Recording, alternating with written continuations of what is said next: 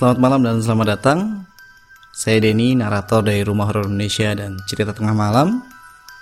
Akan membacakan sebuah cerita horor buat kalian, tapi sebelumnya buat kalian yang suka konten seperti ini bisa dukung kita dengan subscribe ke channel Rumah Horor Indonesia dan channel Cerita Tengah Malam dan follow juga kita di Spotify podcast Rumah Horor Indonesia.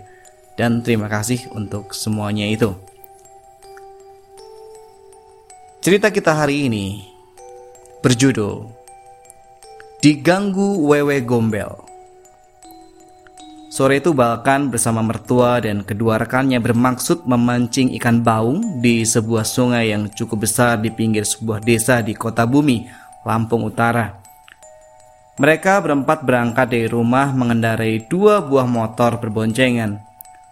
Lokasi memancing ikan cukup jauh dari desa dan agak masuk ke pedalaman sehingga motor hanya bisa sampai di sebuah gubuk dan parkir di situ di tepi ladang milik salah seorang petani.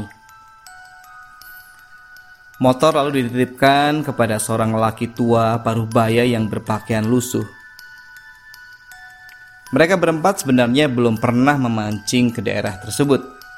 Namun mereka tahu lokasinya atas petunjuk teman mereka yang pernah memancing di sana. Mereka bertanya kepada lelaki tua itu tentang lokasi yang tepat untuk memancing ikan baung. Lalu pria ramah tersebut memberikan ancer-ancer atau hint atau petunjuk ya, lokasi sungai yang biasa dipakai orang memancing. Menurutnya mereka harus berjalan ke arah barat dengan menyusuri jalan setapak yang berjarak sekitar 3 km. Patokannya adalah sebuah pohon beringin tua dan tak jauh dari sana akan ditemui sebuah sungai yang cukup besar. Mereka berempat berangkat menuju sungai dengan menyusuri jalan setapak yang sempit dan dipenuhi dengan rumput ilalang. Kiri kanan jalan masih banyak ditemui hutan yang cukup lebat dan sesekali melewati beberapa ladang penduduk. Sekitar setengah jam perjalanan, akhirnya mereka menemukan pohon beringin tua yang cukup besar. Tak jauh dari pohon beringin tersebut terdapat sungai yang cukup lebar dan dalam. Air sungai berwarna kecoklatan mengalir dengan tenang. Beberapa pohon bambu yang cukup lebat menghiasi pinggiran sungai tersebut. Mereka lalu menyisir tepian sungai sambil mencari lokasi yang tepat untuk memancing. Mereka tiba ketika hari sudah menjelang maghrib. Balkan, mertua, dan kedua rekannya mengambil posisi memancing dengan ya tempatnya berlain-lainan. Jarak di antara mereka kira-kira 30 meter. Di antara mereka tidak saling terlihat karena terhalangi oleh semak belukar dan pohon bambu yang rindang. Sudah menjadi kebiasaan masyarakat di Lampung, kalau memancing ikan baung, umpannya menggunakan umpan kucur yang terbuat dari daging dan ikan. Dagingnya daging busuk ya, jadi tepatnya ikan tambah daging busuk yang dicampur kapuk. Balkan tidak menyia-nyiakan waktunya untuk segera memasang umpan kucur di mata pancingnya. Perburuan ikan baung pun segera dimulai. Satu jam pun berlalu, langit pun sudah berubah menjadi gelap. Namun cahaya rembulan di malam hari itu cukup membantu membuat suasana menjadi remang-remang. Anehnya sampai saat ini tak satu pun ikan baung diperoleh Balkan. Lalu dia beranjak ke tempat duduknya dan bergerak menuju tempat memancing temannya yang terdekat. Didapatinya temannya sudah mendapat dua ekor ikan baung yang cukup besar. Entah karena solidaritas atau ingin memiliki privasi sendiri, rekannya itu justru berpindah memancing ke tempat lain. Tentu bahkan tidak menyia-nyiakan kesempatan baik ini Lalu posisi rekannya digantikan oleh Balkan. Dalam hati ia berpikir, pasti akan mendapat ikan baung seperti temannya tadi. Kembali Balkan menyiapkan umpan kucur dan melemparkan mata pancingnya ke arah sungai di bawah pohon bambu hutan yang sangat lebat. Tiba-tiba, tali senarnya bergerak lincah ke sana kemari. Pasti ikan baung besar sudah memakan umpannya, pikir Balkan. Pergumulan pun segera dimulai. Balkan segera memainkan keahliannya menarik dan mengulur senarnya sedemikian rupa agar ikan baung tangkapannya tidak lepas begitu saja.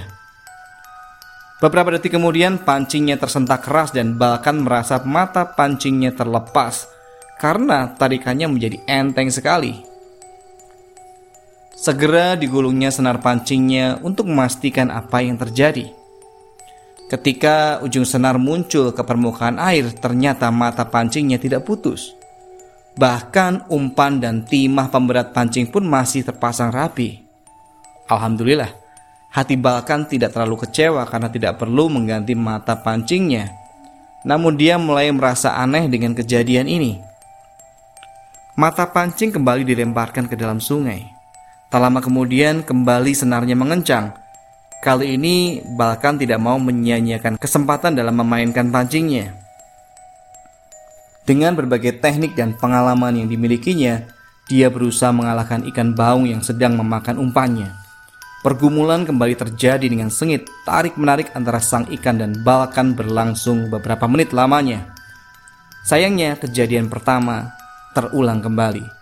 Tiba-tiba dia merasa ikan itu menyentak pancingnya dengan keras dan beberapa detik kemudian tarikannya terasa ringan sekali. Pertanda mata pancingnya terlepas atau dibawa ikan. Kembali kekecewaan Balkan terobati karena mata pancingnya ternyata masih utuh seperti tidak terjadi apa-apa. Tentu saja, bahkan semakin heran. Seharusnya mata pancingnya putus karena tarikan ikan baung tadi keras sekali. Tapi dia masih penasaran dan kembali melempar mata pancingnya ke tengah sungai. Baru juga masuk beberapa detik ke dalam sungai, umpan kucur di mata pancingnya terasa ada yang memakannya. Kejadian seperti sebelumnya kembali terjadi. Pergumulan antara Balkan dan ikan lebih seru dari sebelumnya. Tarik-menarik berlangsung lama dan cukup menguras tenaga.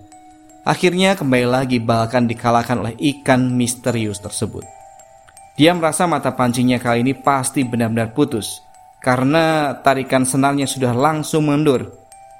Tapi ketika sampai di permukaan air, mata pancing dan timah pemberatnya masih terpasang rapi, kecuali umpan kucur yang sudah tidak ada.